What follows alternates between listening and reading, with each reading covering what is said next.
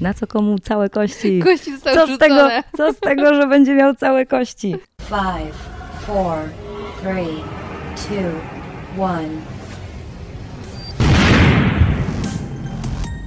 Podcast radioaktywny.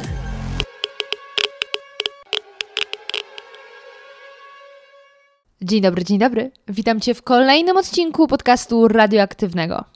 Kiedy dwa tygodnie temu opublikowałam rozmowę z policjantką ze strony z pamiętnika policjantki, od razu zasypaliście mnie wiadomościami, że skoro był już strażak, skoro była już policjantka, to do kompletu brakuje jeszcze ratownika. I cóż mogę powiedzieć? Nie kazałam Wam długo czekać, ponieważ już dzisiaj przychodzę do Was z odcinkiem właśnie z przedstawicielami ratownictwa medycznego, ale w nieco podrasowanej wersji, ponieważ nie są to zwykli e, sanitariusze, którzy jeżdżą karetką, ale ratownicy, którzy jeżdżą do wypadku na motocyklach. Moimi gośćmi są Emilia Ornat, prezes fundacji, a także Przemek Wiga, który jest koordynatorem sekcji ratownictwa w Fundacji Ratownictwo Motocyklowe Polska. Dlaczego jest to fundacja, a nie zwykły oddział pogotowia? O tym usłyszycie już na samym początku, ale gorąco zachęcam Was do tego, abyście wysłuchali ten podcast do końca, ponieważ poprosiłam moich rozmówców o to, aby powiedzieli takie najważniejsze zasady, które powinien znać każdy człowiek, niezależnie od tego, czy ma prawo jazdy, czy też go nie ma.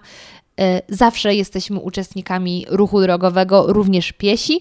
E, I zapytałam ich, co powinniśmy zrobić w momencie, kiedy widzimy jakiś wypadek, albo co zrobić, kiedy sami ulegliśmy wypadkowi, lub co możemy zrobić, aby to się nie wydarzyło. I jeśli myślicie, że wiecie już wszystko, to od razu Wam powiem, że nie, bo ja też myślałam, że wiem już wszystko. Myślałam, że wiem, jak się zachować, kiedy widzę w lusterku nadjeżdżającą karetkę, ale nic bardziej mylnego. Okazuje się, że nikt nam nie mówi bardzo prostych rzeczy, a warto je wiedzieć.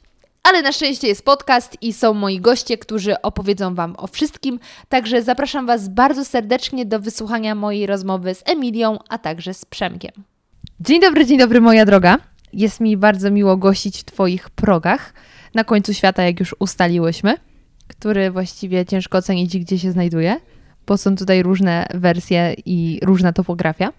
Spotkałyśmy się dlatego, że do mnie napisałaś, aby powiedzieć o fajnych rzeczach, które robicie, które robicie i zapytać, czy pogadałybyśmy o tym w podcaście. I jak zgłębiłam nieco temat, doszłam do wniosku, że koniecznie musimy porozmawiać, bo to są super ciekawe rzeczy i ze względu na to, że wiem o nich niewiele, to tym bardziej mam dużo pytań, które z przyjemnością Ci zaraz zadam. Więc y, jakbyś mogła tak w dwóch zdaniach najpierw powiedzieć, czym się zajmujecie, dlaczego tutaj dzisiaj rozmawiamy, to co byś powiedziała? No, zacznijmy od tego, że napisałam do ciebie dlatego, że prowadzę fundację. Tak. Fundację, która nazywa się Ratownictwo Motocyklowe Polska i zajmuje się motocyklami ratunkowymi. Motoambulanse to jest taki sprzęt, który ma za zadanie jak najszybciej dotrzeć na miejsce wypadku, na miejsce zdarzenia w zasadzie e, i jak najszybciej zacząć udzielanie pierwszej pomocy. Zajmujecie się motocyklami, to znaczy dostarczacie takie motocykle, pomagacie je kupić, czy yy, zrzeszacie ludzi, którzy na nich jeżdżą? No, prawie dwa w jednym, dlatego że budujemy takie motocykle. Mamy wolontariuszy, którzy poświęcają swoje motocykle, żeby przerobić je na motoambulanse i potem na zasadzie wolontariatu służyć e, w pogotowiu na normalnych dyżurach. E, Wszystko to dlatego, że w zasadzie motocykli ratunkowych nie ma w legislacji. Mhm. Jest pociąg ratunkowy, łódź. Nawet kłady się gdzieś przewinęły. E, motocykli nie ma. W związku z tym trudno jest je zakupić do pogotowia, jeszcze trudniej jest je w tym pogotowiu utrzymać. E, I rezultat jest taki, że tych motocykli, mimo tego, że jakieś lokalne inicjatywy od kilku lat się toczą, no to cały czas ich było bardzo mało. My Czyli poczekaj, Mhm. czyli to, co czasem widać na jakiś, nie wiem, na przykład jest wypadek i w mediach później widzimy zdjęcia, czy tam jakieś nagrania, to te motocykle na przykład pochodzą od Was? Czy to są jakieś pojedyncze sztuki, które jednak ktoś tam zakupił yy, ze szpitala, z ratownictwa? Na, na ogólnopolską skalę y, my jesteśmy największą organizacją, która mm, jakby jako jedyna zajmuje się tematem ogólnopolsko, ale y, ma też najwięcej motoambulansów y, w swoich, y, że tak powiem, szeregach. Natomiast jeżeli widzisz gdzieś w telewizji e, motocykl ratunkowy, to z dużym prawdopodobieństwem jest to motocykl należący do jakiejś organizacji, do jakiejś osoby prywatnej e, albo do jakiejś firmy, która się zajmuje tematem ratownictwa. W Polsce motocykli, które jeżdżą w tym państwowym pogotowiu, to jest do policzenia na palcach jednej ręki. Co ty mówisz? No, problem cały czas w legislacji, tak? Nie ma w, nie ma w ustawach, no to jak kupić taki motocykl za publiczne pieniądze? E, Pogotowie w Polsce w ogóle jest przecież finansowane przez y, wojewodów. W związku z tym czasami wojewoda e, danego województwa może znaleźć na to pieniądze i kupić taki motocykl z przeznaczeniem do stacji pogotowia. Tak to miało miejsce w województwie pomorskim. E, W tej chwili pomorskie pogotowie jako województwo w sumie ma tych motocykli 6 albo 7. Województwo całe. Całe województwo. One są rozrzucone po różnych miastach, no ale też trzeba pamiętać o tym, że to jest e, województwo, które jest bardzo specyficzne. Tak, tam na te kilka letnich miesięcy, gdzie jest akurat sezon motocyklowy, Mhm. e, no, zwala się jedna trzecia Polski. Więc te potrzeby są tam duże. E, I tam jakby najłatwiej e, było to wprowadzić. I tam wojewoda rzeczywiście znalazł na to pieniądze. E, Motocykl, który jeździ w pogotowiu z takim publicznym, jest również w Bydgoszczy. I teraz głowy nie dam, czy jeździ, czy jeździ jeden, czy dwa. Mhm. Na pewno y, jeden jest, a nie wiem, czy nie służą dwa y, równolegle. No i Olsztyn. To, są, to jest to trzecie miasto, gdzie Czyli nawet Warszawa nie ma własnych. Nie. W sensie ma Mazowie... Mazowieckie nie ma nawet naszych. Kręcę. czyli poczekaj, czyli postaram się teraz sobie usystematyzować. Jest człowiek dobrej woli, Tak, prywatny lub fundacja, tak. który stwierdza, mamy problem i ja poświęcam swój czas slash pieniądze, żeby pomóc go rozwiązać, kupuję takie rzeczy albo zrzesza ludzi, którzy są w stanie poświęcić swoje motocykle, Mhm. są one dostosowywane do potrzeb i następnie dzierżawione w jakimś stopniu, czy jest wypadek, to dzwonią do Was i Wy wysyłacie? No właśnie, nawet niedzierżawione, my je y, udostępniamy za darmo. Mhm. Bierzemy na siebie wszystkie koszty zbudowania, utrzymania, wyposażenia e, i potem ich pracy. E, a na wodę nie jeżdżą, więc te koszty są dość poważne. A to wszystko dlatego, że to jest w zasadzie jedyny sensowny i pewien sposób usystematyzowany sposób pracy tych motocykli.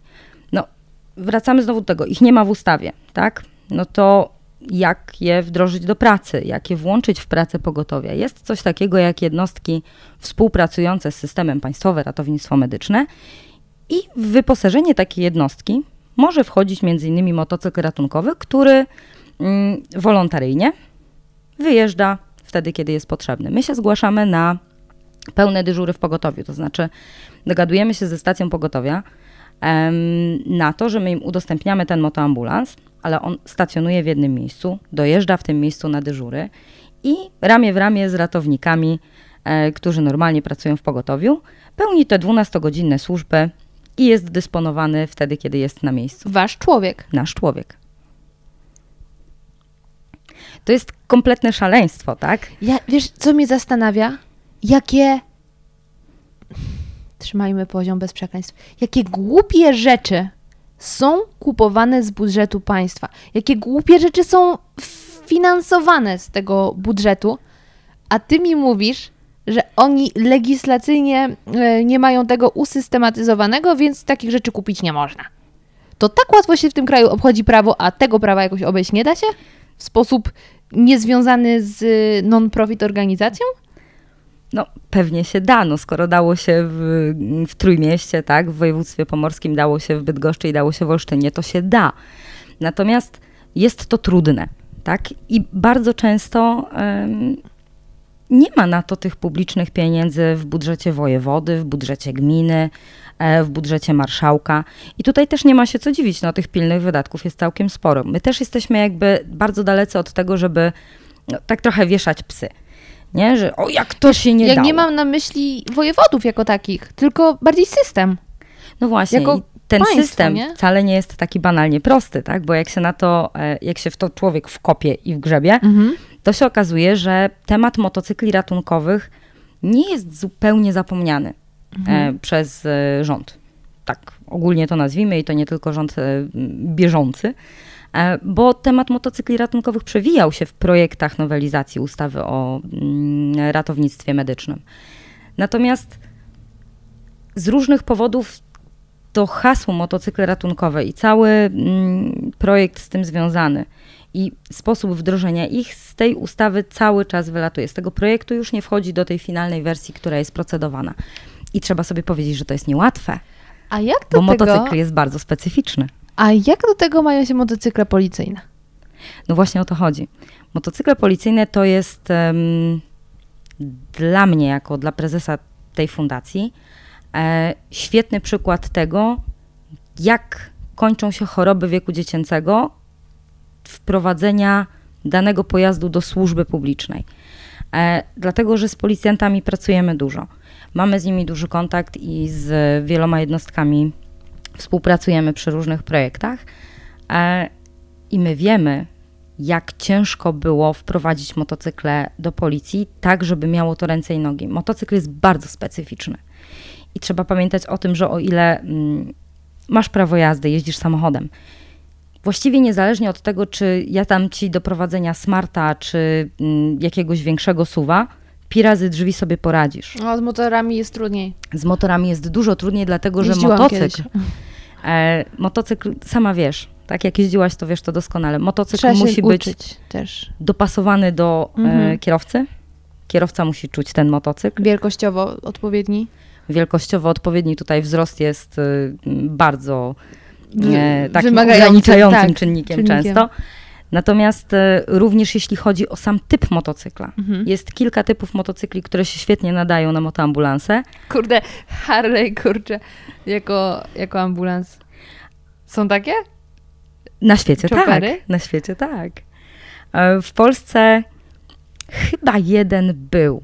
Nie wiem, czy jeszcze jeździ, e, ale chyba jeden gdzieś się, gdzieś się przewinął. Tutaj, gdyby któryś z chłopców, od razu mówię, gdyby któryś z chłopców słuchał e, albo oglądał e, i powie, tak, to był mój, albo tak, to był nasz, albo tak, to był To tamten proszę się chłopaków. zgłosić. Dajcie znać Chcę zobaczyć koniecznie. zdjęcie. E, więc e, zdarzały się, ale jest kilka typów motocykli, które świetnie się nadają, e, ale one muszą być cały czas dopasowywane do kierowcy. A powiedz My mi, które najczęściej się pojawiają? duże motocykle turystyczne e, i duże motocykle wyprawowe.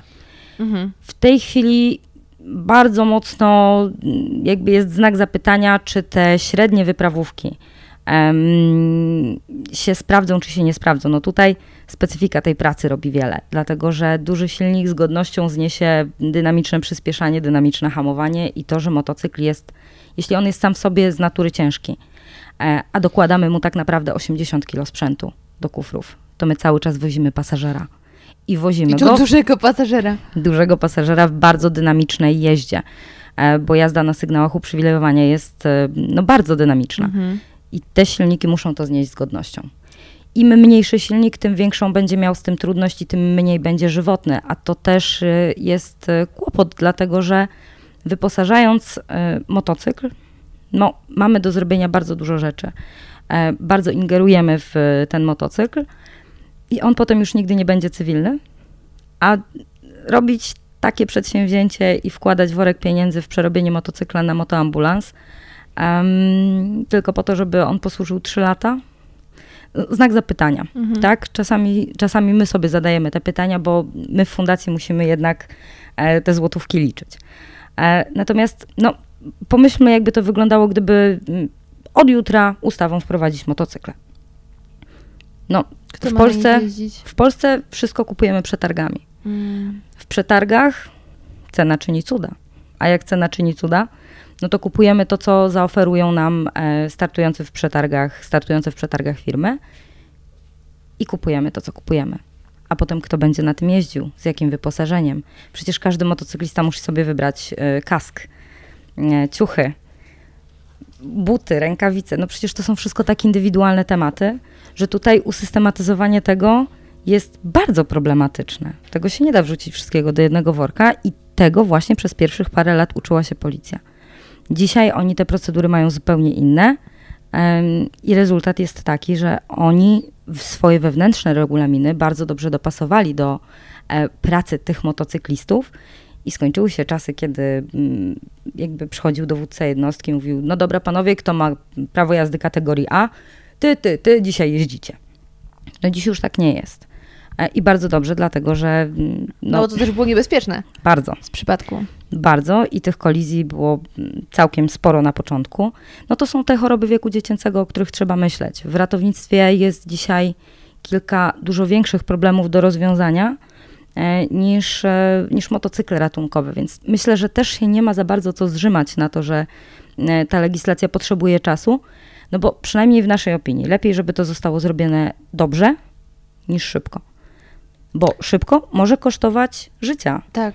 I to ratujących i tych czekających na pomoc. Zaczęłam to teraz szerzej rozumieć i widzieć zawiłość systemu, yy, problemu przez to systemu. Także okej, jestem w stanie to ogarnąć. Prawda? To jest dosyć skomplikowane.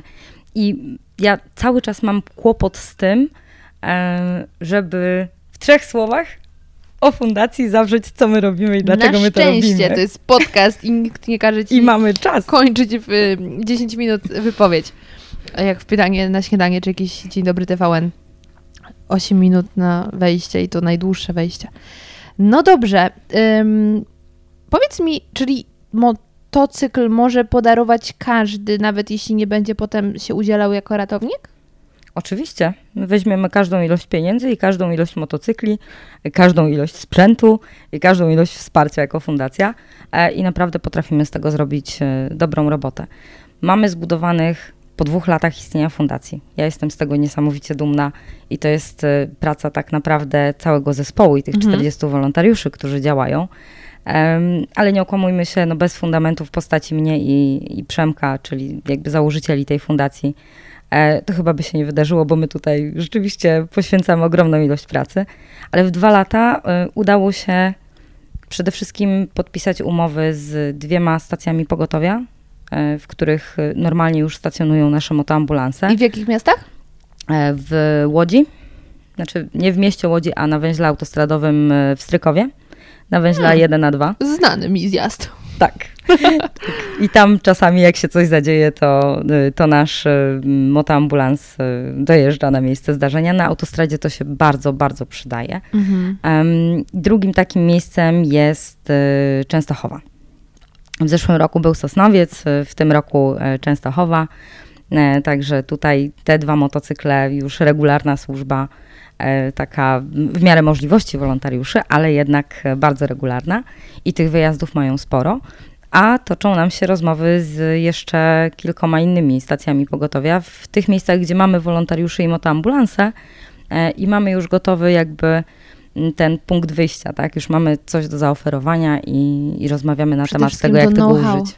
Mhm. Tak. A powiedz, to ile tych motocykli jest w tym momencie łącznie pod wami? E, W tej chwili mamy 7, 8, 9 będziemy budować.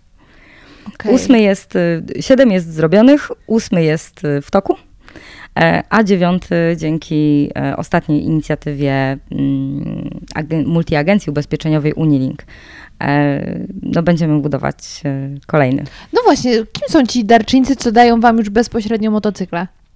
W zasadzie jeszcze żaden darczyńca nam nie dał motocykli, A, żeby było to, zabawniej. Czyli na razie bardziej kupujecie? E, bardziej korzystamy z motocykli naszych wolontariuszy. E, to oni poświęcają swoje motocykle i tutaj poświęcają to jest takie słowo, które jest najbardziej adekwatne. Dlatego, że ten motocykl No już nie po tej wróci. przemianie już nie wraca. Tak, to, to to, powiedz- zawsze już będzie To powiedz mi, kim są w takim razie ci ym, wolontariusze? E- Jaki to jest typ człowieka? Co ich do was sprowadziło? Tak naprawdę chęć pomagania Mhm. to są ratownicy, doświadczeni ratownicy, albo ratownicy kwalifikowanej pierwszej pomocy, albo ratownicy medyczni i bardzo zaangażowani motocykliści, ale motocykliści z dużym stażem. Mhm. E, nie ukrywajmy, odzywa się do nas bardzo wielu em, ludzi, e, zwykle mężczyzn, którzy mają prawo jazdy kategorii A albo właśnie je robią i bardzo by chcieli.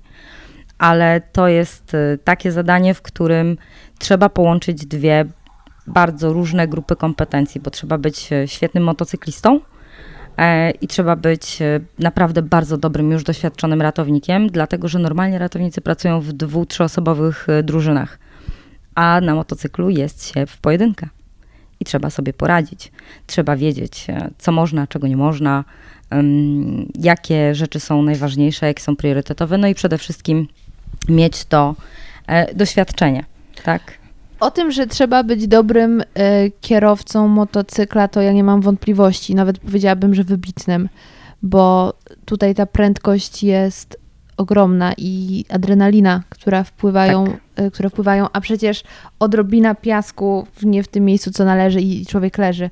Także trzeba być świetnym kierowcą. Ale co do tego, że ratownik jest w pojedynkę, no to koniecznie powiedz mi, jak wygląda taka akcja. Dostajecie telefon? Tak, I co? jesteśmy, nasze motoambulanse, te, które pełnią e, regularne dyżury, one są normalnie dysponowane tak jak karetka. Mhm. Wyjeżdżają e, ramię w ramię, wespół w zespół e, z karetką, taką tradycyjną. E, no ale wiadomo, motocykl jest e, zwinniejszy, szybszy, nie potrzebuje tego korytarza życia, on się przepcha po A na autostradzie na przykład, jak jest korek, to jest trudno. Błyskawicznie się robi korek. Mm. I to na kilometry i zarówno straż pożarna, jak i, mm, jak i mm, karetka pogotowia no, potrzebują swojej ilości miejsca, żeby przejechać, Tak. tak? I trzeba poczekać, aż kierowcy... I niech się znajdzie ten Janusz, co tym awaryj, awaryjnym pasem jedzie, to po prostu strzelać. No może nie strzelać, edukować. ja to powiedziałam, edukować. wystarczy, że głową. Nie, natomiast y, motocykl dociera mniej więcej w połowę czasu Mhm. dojazdu karetki i jest odpowiedzialny za te najpilniejsze rzeczy, czyli e, za rozpoznanie, co jest tak naprawdę y, y, z ludźmi w tym zdarzeniu. Ilu jest tych poszkodowanych, czy rzeczywiście jest ich wielu i potrzeba dodatkowych środków. E, Czy to jest jedna z tych sytuacji, kiedy na autostradzie dwa samochody się przytarły i tak naprawdę nic nikomu się nie stało i wysyłanie jakby mm, śmigłowca i kolejnych dwóch karetek zupełnie nie ma sensu. Ale też ma za zadanie e, poza tym rozpo, rozpoznaniem i mm, daniem informacji zwrotnej Mhm. na temat stanu faktycznego, e, to jego zadaniem jest też e, zajęcie się tymi najpilniejszymi rzeczami. I tutaj w szczególności mm, wszelkie zatrzymania krążenia, które się mogą wydarzyć w razie wypadku, kolizji, to RKO potem się Tak, dzieje? tak. Tyle to pamiętałam Tak, tak, PP. Tak, tak. No więc to jest, to jest jego zadanie, zajęcie się tymi najpilniejszymi tematami z zatrzymaniem krążenia włącznie, bo to są e, wszystko takie stany, które zagrażają życiu. Złote I, minuty. I one już wymagają natychmiastowej uwagi. Im szybciej udzielona pierwsza pomoc, tym mniejsze skutki później. Mhm. Tym szybsza, szybszy powrót do zdrowia, mniej roboty dla lekarzy, szybsza rekonwalescencja, mniejsze potem skutki, łatwiejszy powrót do normalnego życia. Tak? To jest bardzo istotne i tutaj wszystkie badania e, zgodnie potwierdzają, że im szybciej udzielona pomoc, e, tym lepiej jest dalej. E, Więc ten czas jest naprawdę bardzo, bardzo ważny. No, stąd też przecież karetki mają sygnał uprzywilejowania, tak? No bo tutaj się gonimy rzeczywiście z czasem. A te złote 4 minuty e, dotyczą sytuacji, kiedy zatrzymuje nam się krążenie.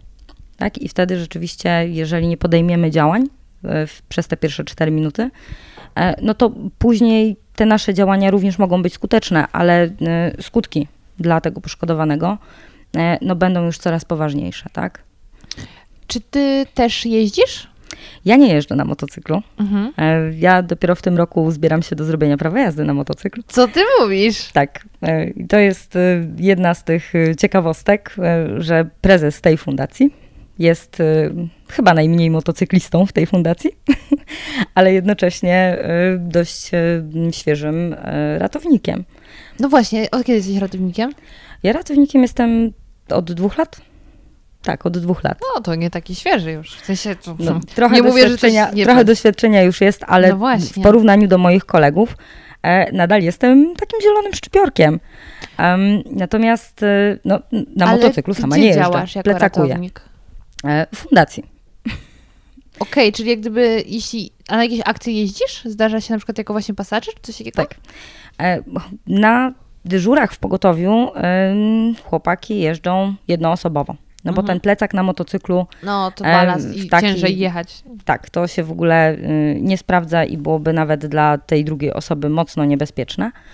E, Natomiast y, no, ratownik to jest ratownik, ratownikiem się jest, a nie bywa, więc biorąc pod uwagę ilość y, imprez, w jakich uczestniczymy, miejsc, w których się pojawiamy em, i ilość ludzi, z którymi pracujemy, ilość kilometrów, które pokonujemy, każdy z nas co roku takim czy innym pojazdem, no to siłą rzeczy nie da się nie trafić. Tak? Nie najechać na wypadek, nie udzielać tej pierwszej pomocy wtedy, kiedy ona jest potrzebna. No oprócz tego wspieramy różne firmy w zabezpieczeniach imprez. No właśnie, E, to na to stronie też- nie widziałam o tych imprezach, że zabezpieczacie. Gdzie zdarzyło wam się być? E, Z takich e, najfajniejszych imprez, na których się bardzo dużo działo, ale takich średnio poważnych rzeczy, to też musimy sobie powiedzieć, że na imprezach masowych to zabezpieczenie medyczne jest najczęściej w takiej ilości, że m, absolutnie wystarczające do tego, Mhm. co się zadzieje. E, No to taką imprezą, na której e, ze względu na to, że było najwięcej ludzi na terenie tej imprezy, którzy się przewinęli, e, no to taką imprezą, na której się działo najwięcej był Master Track. No tam po prostu statystyka robi swoje. 100 tysięcy ludzi, którzy przewinęli się przez e, teren imprezy e, przez te trzy dni, e, no to, to jakby robi różnicę. Tak? No i tutaj myśmy wtedy wypisali koło 500 w sumie z ratownikami, którzy mieli zabezpieczenie medyczne. Wypisaliśmy w sumie 500 kart udzielonej pierwszej pomocy. Jakiego typu to była pierwsza pomoc, że ktoś sobie obtarł stopy, czy to bardziej... różne różniste rzeczy. Właśnie od, y, od tego, co ja roboczo, pieszczotliwie i tutaj y, z naprawdę serdecznością dla tych, którzy przychodzą, nazywam Ziaziu. Tak? Ziaziu i Buby. E, To to są właśnie takie obtarte, e, obtarte przez bucik nóżki, jakieś ska- drobne skaleczenia, e, ktoś sobie coś przytrzasnął, jakiś palec, tak? No to takie drobiazgi naprawdę, które wymagają kawałka bandaża i plasterka. Natomiast y, no, od takich rzeczy przez tradycyjny ból głowy dzień po. E, odwodnienia, bo... A przepraszam, ratownicy pomagają na kaca? Nie. nie. Nie, nie, nie, nie. Z kacem to w ogóle nie trzeba do nas przychodzić. Nie trzeba, Nie ale trzeba. można. No chyba tego nie unikniemy, tak? I co zwykle wtedy się daje? Jakieś y, przeciwbólowe po prostu? Wodę z elektrolitami. Wdzięczna robota. Czyli nie wdzięczna Woda z robota, ale elektrolitami taka y, z, z pewną ilością cukru. E, Także tutaj mamy swoje ulubione, Metody. każdy ratownik ma swój ulubiony preparat na taką okoliczność, ale to po prostu nawadnia organizm. Aha. Daje organizmowi tą potrzebną energię i, i te elektrolity, które się gdzieś tam wypłukują. E, przede wszystkim woda, woda, woda, dużo wody. E, I to rzeczywiście pomaga. Tak? No, można na ból głowy, bawić. A na ból głowy, no to wiadomo, no te wszystkie mm, tradycyjne mm, NLPZ-y, czyli te e, leki, które są dostępne bez recepty, przeciwbólowe, no to też, e, też ludzie sami je biorą, w związku z tym no tutaj jakby my nie mamy na to większego wpływu, chociaż trzeba pamiętać o tym, że na kaca ibuprofen ponad paracetamol. Zapisać, moi drodzy. Będzie w notatkach do podcastu. Ale zabawne jest to, że jakby prawie nikt nie czyta ulotek, Aha, to w prawda. ulotce do paracetamolu jest bardzo wyraźnie napisane, że e, nie należy paracetamolu łączyć z alkoholem. A y, ibuprofen można? Tak? W ogóle leków się nie powinno łączyć powinno, z alkoholem, ale ale skutki. historia powstania ibuprofenu i jest taki fajny kanał e, Okiem Chemika. Tak. Tam dziewczyna Kurczę, cudnie opowiada. jesteś drugą osobą, która mi przypomina, że mam się odezwać i zaprosić. Obiecuję to zrobić. Zapraszamy. No, Zapraszamy, jest świetna, po prostu uwielbiam. E, I ona opowiadała o tym, między innymi jak powstał e, ibuprofen. Mhm. Ja ze swoich studiów jeszcze tą historię pamiętam. E, więc... A co e, studiowałaś? A fizykę medyczną. O pani. Do tego zaraz wrócimy. To powiedz mi, poza imprezami masowymi albo takimi mniejszymi, większymi, to na jakie akcje zdarzało ci się jechać? Wiesz co, jechać e, wcale, Uczestniczyć? wcale. Mhm. Dlatego, że jakby poza tymi sytuacjami, które my spotykamy, jakby gdzieś będąc, gdzieś jadąc, no to ja nie pracuję w pogotowiu tak na co dzień. E, zupełnie zresztą świadomie. E, Więc e, to jest właśnie to. Ja, w- ja w tej fundacji jestem tak troszkę ratownikiem, małą motocyklistą, e, a jestem prezesem tej fundacji, dlatego że no, ja jestem tym zarządcą. Mhm. Tak? To też jest jakby konsekwencja tego, jak myśmy wpadli na to, No żeby tą właśnie. fundację założyć. I, I skąd to się To wzięło? jest ten moment, żebyś o tym opowiedziała, bo tak stwierdziłam, najpierw pogadamy o istocie, a potem o historii, czyli plan wykonany. Tak. E, To jest e, mega ciekawe, bo to wynikło absolutnie z tego, jakimi ludźmi e, jesteśmy z Przemkiem. Mhm. E, Przemek e, z ratownictwem miał do czynienia dużo przed tym, jak myśmy się poznali. Poznaliśmy się już 5 lat temu. Mm, I jak go poznałam, to on już miał swój motoambulans. Prywatny motocykl przerobiony na ambulans. E, Wtedy e, był wolontariuszem w jednej z warszawskich organizacji. No i aktywnie się udzielał w tej organizacji. E, A potem miał wypadek. Bardzo poważny wypadek, który oboje, y, że tak powiem, ciężko przeżyliśmy. No on y, przeżył 26 złamań, e, ponad tydzień na ojomie, e, nieprzytomny w śpiączce farmakologicznej. 28 złamań. No Przemek właśnie mnie tu poprawia, bo mu cały czas te dwa złamania Zaraz odejmuje. Przemkowi damy Zabrałam ci. mikrofon. Zabrałam To ci. opowie więcej, ale y, to w ramach y, takiego, nie wiem, wypadek związany z akcją, czy nie? E, Wracał wtedy z Woodstocku, gdzie z Rafałem Sonikiem e, jakby promowali ideę motoambulansów i, i z Rafałem e, jakby przejeżdżali przez całą Polskę po to, żeby też promować odpowiedzialne, odpowiedzialną jazdę na kładach. Tutaj e, Rafał Sonik jakby i kłady Mhm. to jest, to jest jest ten, ten klimat Mhm. e, który się tam pojawił. E, No i wracając po prostu, no taki był dzień, no. Taka sytuacja, kierowca, który nie zauważył, e, czy jakby nie wziął pod uwagę tego, że ten motocykl przejedzie obok. No pani, która skręciła sobie z głównej w, w podporządkowaną. No ale po tym wypadku, no pozbierał się. Tak, to e, najważniejsze. Siedzi. Siedzi. Widać. Siedzi, gada lata, wrócił na motocykl.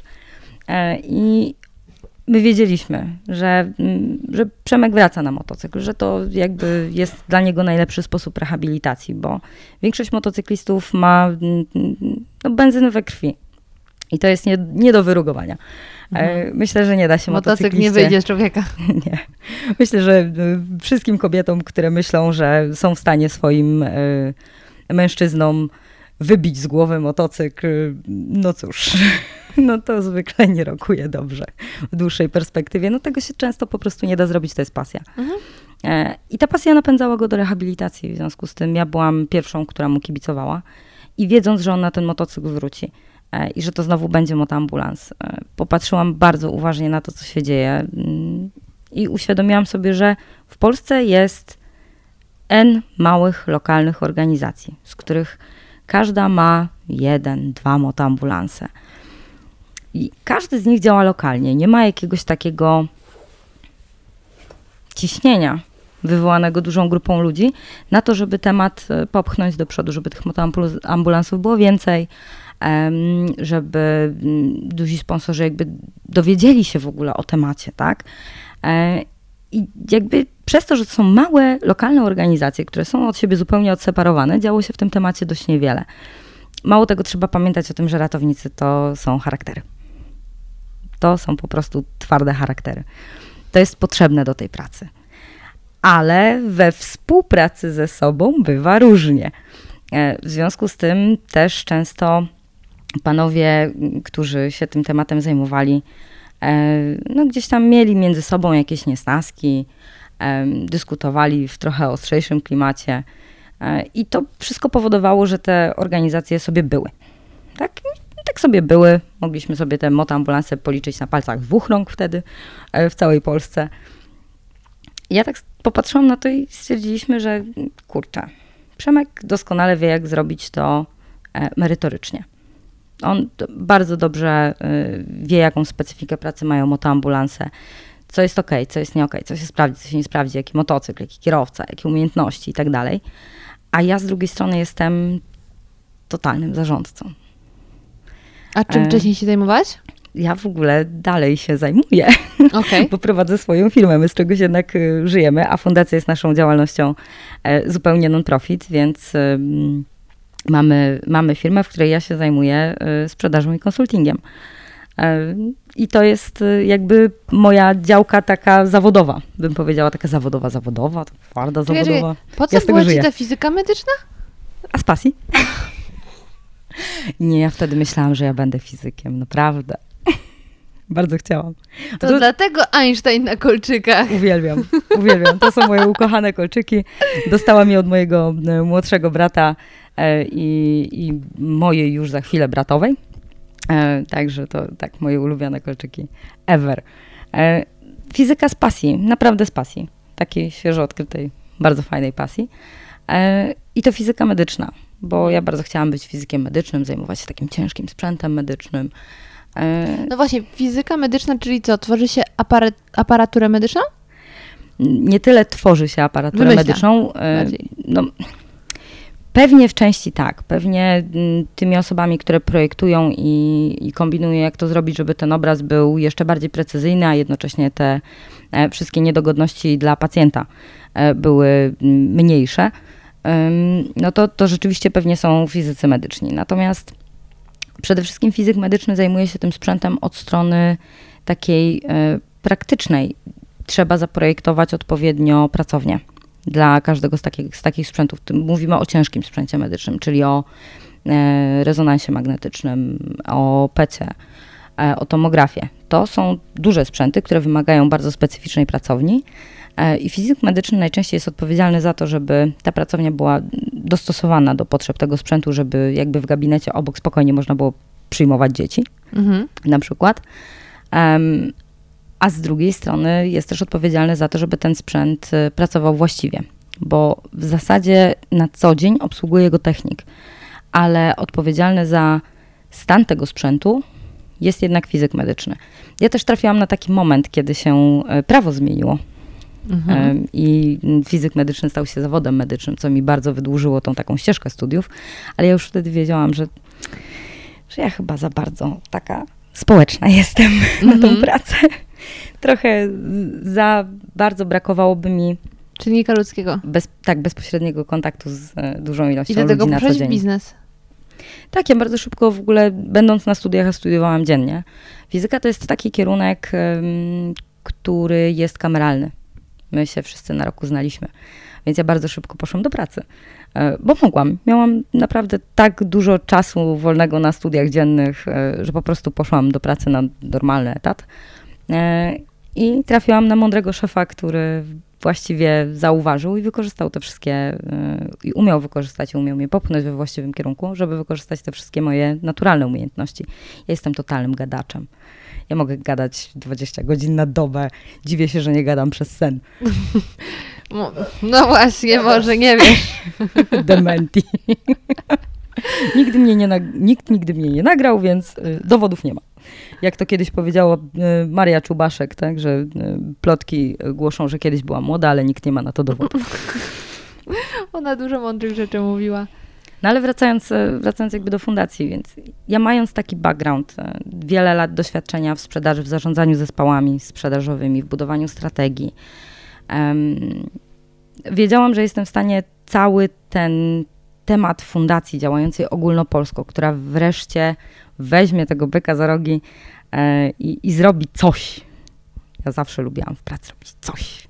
Zresztą nawet moje koleżanki e, z jednej firmy PR-owej e, ochrzciły mnie ksywką awangarda. Miałam Emilia Awangarda, bo ja zawsze miałam awangardowe pomysły, które oczywiście bardzo chętnie wdrażałam. E, I tutaj to była dla mnie taka przestrzeń, tak, ja to mogę zrobić. Stworzyć. Zróbmy to. Mhm. Ja bardzo chętnie się tym zajmę i jestem w stanie to zrobić. No i po dwóch latach jesteśmy tu, gdzie jesteśmy. Jesteśmy największą organizacją, która się zajmuje motocyklami ratunkowymi w Polsce. W dwa lata. Największą na Facebooku, największą na Instagramie. YouTube'a gonimy. A powiedz mi w takim razie, jak to widzisz w perspektywie? Co dalej? Mhm. Jakieś takie macie. Mm, wizję, jakieś założenia, ile byście chcieli docelowo i jak to, żeby funkcjonowało? nie wiem ile. Natomiast e, mam takie, mamy takie wewnętrzne marzenie, żeby każda stacja pogotowia w Polsce, która potrzebuje motoambulansu albo w której pracy ten motoambulans e, będzie pozwalał na szybsze dotarcie do pacjentów, e, żeby mogła go mieć. Po prostu. Żeby mogła go mieć. E, czy w taki sposób, w jaki my to realizujemy, tak? Czyli użyczeniem takiego motocykla do służby. E, Czy w taki sposób, że pomożemy danej stacji pogotowia kupić taki motocykl i znaleźć na niego środki. E, Czy w taki sposób, że pomożemy stacji pogotowia w ogóle wdrożyć taki motocykl, tak? Bo czasami się zdarza, że mm, no, znajdują się pieniądze na zakup tego motocykla. A potem jest znak zapytania, no to kto ma nim jeździć? Ile taki jeden motocykl, dostosowanie go kosztuje? tak naprawdę do bazy, jaką jest jakiś motocykl, e, no, trzeba dołożyć e, około 30-35 tysięcy złotych. Mhm. I, i co, co, co znajduje się w e, jego wyposażeniu? No, poza sygnałami uprzywilejowania, które czynią go pojazdem uprzywilejowanym, em, czyli syreny i całe to oświetlenie, no to właściwie taki podstawowy sprzęt medyczny, czyli przede wszystkim automatyczny defibrylator. E, Tutaj nie ma miejsca na duży defibrylator z kardiomonitorem, e, więc ten automatyczny defibrylator, e, który sprawdza się znakomicie właśnie przy zatrzymaniach krążenia. Mm, I to jest chyba jeden z droższych elementów sprzętu. No poza tym wszystko, co, wszystko to, co mm, w zasadzie jest w takim podstawowym wyposażeniu karetki. Czyli Noszę. w bagażniku. płachtowe. Wszyscy pytają o te nosze. A gdzie wozicie pacjenta? W Na kufrach. siodełku. W kufrach. Ćwiartujemy. Takie wewnętrzne żarciki. Ale to rzeczywiście, to pytanie, które często pada, jak, jak, jak wy transportujecie pacjenta? No nie transportujemy. My jakby Przyjeżdża nie od karetka. tego. Mhm. Tak, przyjeżdża karetka. Jeśli ona jest potrzebna, to ona przyjedzie. I tego pacjenta y, poszkodowanego przetransportuje. Natomiast y, wszystkie te rzeczy, które są potrzebne na miejscu zdarzenia, tak, od y, mm, tych y, ortopedycznych tematów, czyli kołnierza ortopedycznego, szyn, które pozwalają stabilizować jakby mm, wszystkie zniekształcone kończyny, no bo nigdy nie wiemy, czy to złamanie, czy zwichnięcie, czy co tam się wydarzyło. E, mm, Zestawy przeciwoparzeniowe, tlenoterapia, e, no, całe mnóstwo sprzętu, e, długa, długa lista. No, a ponieważ to jest motocykl, to wszystko jest e, mniejsze, lżejsze i przez to droższe. A poczekaj, bo jeszcze mm, jedna rzecz. Ty powiedziałaś, że ilu macie wolontariuszy? 40? 44. 44. I prawie 9 motocykli. No. To znaczy, że większość z tych e, wolontariuszy jeździ na nie swoich motocyklach. Większość z naszych wolontariuszy e, albo nie jeździ na motoambulansach, I wtedy co robi? całe mnóstwo innych rzeczy. Na przykład. E, Albo właśnie wspierają nas e, w różny inny sposób. My prowadzimy w fundacji poza tym flagowym projektem Motoambulans w Mhm. Pogotowiu. To, po to powstała ta fundacja i to jest nasz ten taki fundamentalny projekt. E, Ale pamiętaj o tym, że jak ścigamy się z czasem, w razie jakiegokolwiek zdarzenia, w jakiejkolwiek sytuacji zagrożenia zdrowia lub życia, to my zaoszczędzimy połowę czasu dojazdu karetki jadąc motocyklem. Ale jest pewna grupa ludzi, która y, ma czas reakcji równy zero. To są świadkowie zdarzenia. Oni już są na miejscu. Wystarczy, Czyli że będą wiedzieć, wystarczy, że będą wiedzieć, co robić e, i nagle okazuje się, że my mamy po co jechać. Tak, że ta karetka ma po co jechać. E, bo nawet jeżeli czas karetki obecnie ma połowę, no to jak z 15 minut zrobimy 7, to jeśli nikt przez 7 minut palcem nie kiwnie, to jest ciężko. Kurczę, powiem ci, że ja niby miałam. Szkolenie nudy. Nie, nie, nie, że nudy, tylko że ja oczywiście miałam w szkole pierwszą pomoc, tam wiesz, był ten yy, fanton i tak dalej, ale nie podjęłabym się totalnie tego. Koniecznie musisz przyjść do nas na szkolenie. Zapraszam.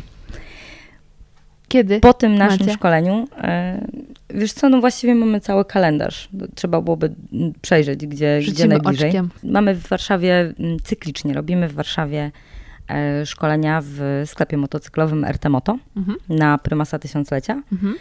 Mniej więcej co dwa miesiące takie szkolenie e, dość podstawowe na kilka godzin się odbywa. E, ale po takim szkoleniu wyjdziesz z takim przekonaniem, że okej, w razie czego nie będę stała jak widły w gnoju.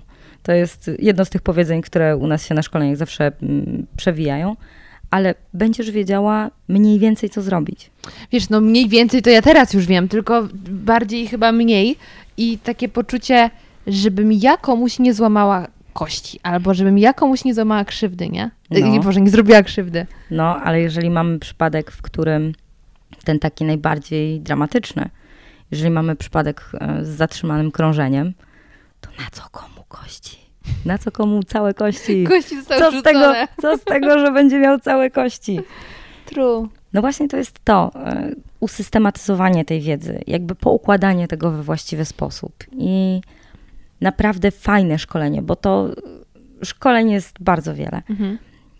Nasze szkolenia są o tyle specyficzne, że my je robimy dla tych, którzy na nie przychodzą. Nas mało interesuje, czy ktoś pomyśli, że my jesteśmy fajni, niefajni, mądrzy, niemądrzy, dobrzy w swojej pracy, kiepscy w swojej pracy, ładni, brzydcy. E, jedynym celem dla nas tych szkoleń jest to, żeby ta wiedza siadła. Tak, ten człowiek po tym szkoleniu e, ma wyjść i wiedzieć, co robić. E, nawet mimo tego, że się głupieje. Adrenalina i kortyzol robią totalną demolkę Prawda. e, i wyłączają myślenie. Więc jeżeli twoje ręce nie będą wiedzieć, co robić, to głowa ci w tym nie pomoże. I to jest cel naszego szkolenia. I Przekonałaś rzeczywiście mnie. działa. I Dobra, rzeczywiście działa. widzimy się na szkoleniu. Ja jestem też mega dumna z tego, że mm, no, te szkolenia to jest taka, takie trochę pokłosie też y, moich doświadczeń, dlatego że ja jestem czwartym pokoleniem dydaktyków. Gdyby nie moja prababcia, uczyłabym dzieci w szkole. Bez kitu. Uczyłabym w szkole fizyki i matematyki. Prababcia mi zabroniła. No patrz, mądra kobieta. 96 lat. Przeżyła i tak e, dosłownie dwa miesiące przed śmiercią ucięła sobie ze mną taką poważną pogawędkę i powiedziała, że e, dziecko, ja ci zabraniam iść do szkoły dzieci uczyć. Ty nie będziesz nauczycielem. Ale powiedziała, co będziesz robić? Nie, powiedziała, że nie, że nie wolno mi zostać nauczycielem, A, bo ona będzie mnie straszyć. A babunia dożyła 96 lat, ona wie, co mówi. no. Nie mam powodu jej nie wierzyć. Ja wolałabym, żeby jednak mnie nie straszyła. E, No to sobie darowałam temat nauczycielskiej fizyki na studiach. Jak to się pięknie potoczyło dalej.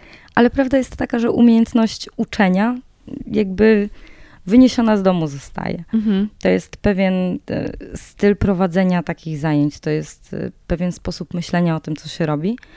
E, No i plus bonus, ja jestem gadaczem, więc to się po prostu fantastycznie łączy. I, I trochę doświadczeń takich dydaktycznych ze studiów, no bo przecież korepetycje z fizyki są jednymi z lepiej płatnych. Em, Już Moi wiecie, do kogo się kursanci. zgła- zgłaszać. Już Już teraz- Zostawię namiary. Teraz już nie, ale, e, ale kiedy studiowałam, to y, moi y, podopieczni mieli bardzo dobre stopnie, a ja miałam niewiele problemów finansowych. I dużą satysfakcję. Dużą satysfakcję. E, Więc to jakby tak się wszystko fajnie łączy, tak? Że jakby te wszystkie nasze kompetencje, które mamy jako ludzie i te nasze talenty i nasze osobowości, totalnie przekładają się na to, co robimy w tej fundacji. I mm, część wolontariuszy y, bardzo się angażuje w te tematy szkoleniowe. Mhm.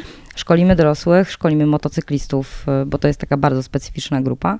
E, Szkolimy kierowców, e, szkolimy wszędzie, gdzie jesteśmy, ale szkolimy też dzieciaki. Mamy cały projekt e, szkoleń dla maluchów, dlatego że no, znowu, tak, świadkowie wypadku są już na miejscu, żeby wiedzieli, co robić.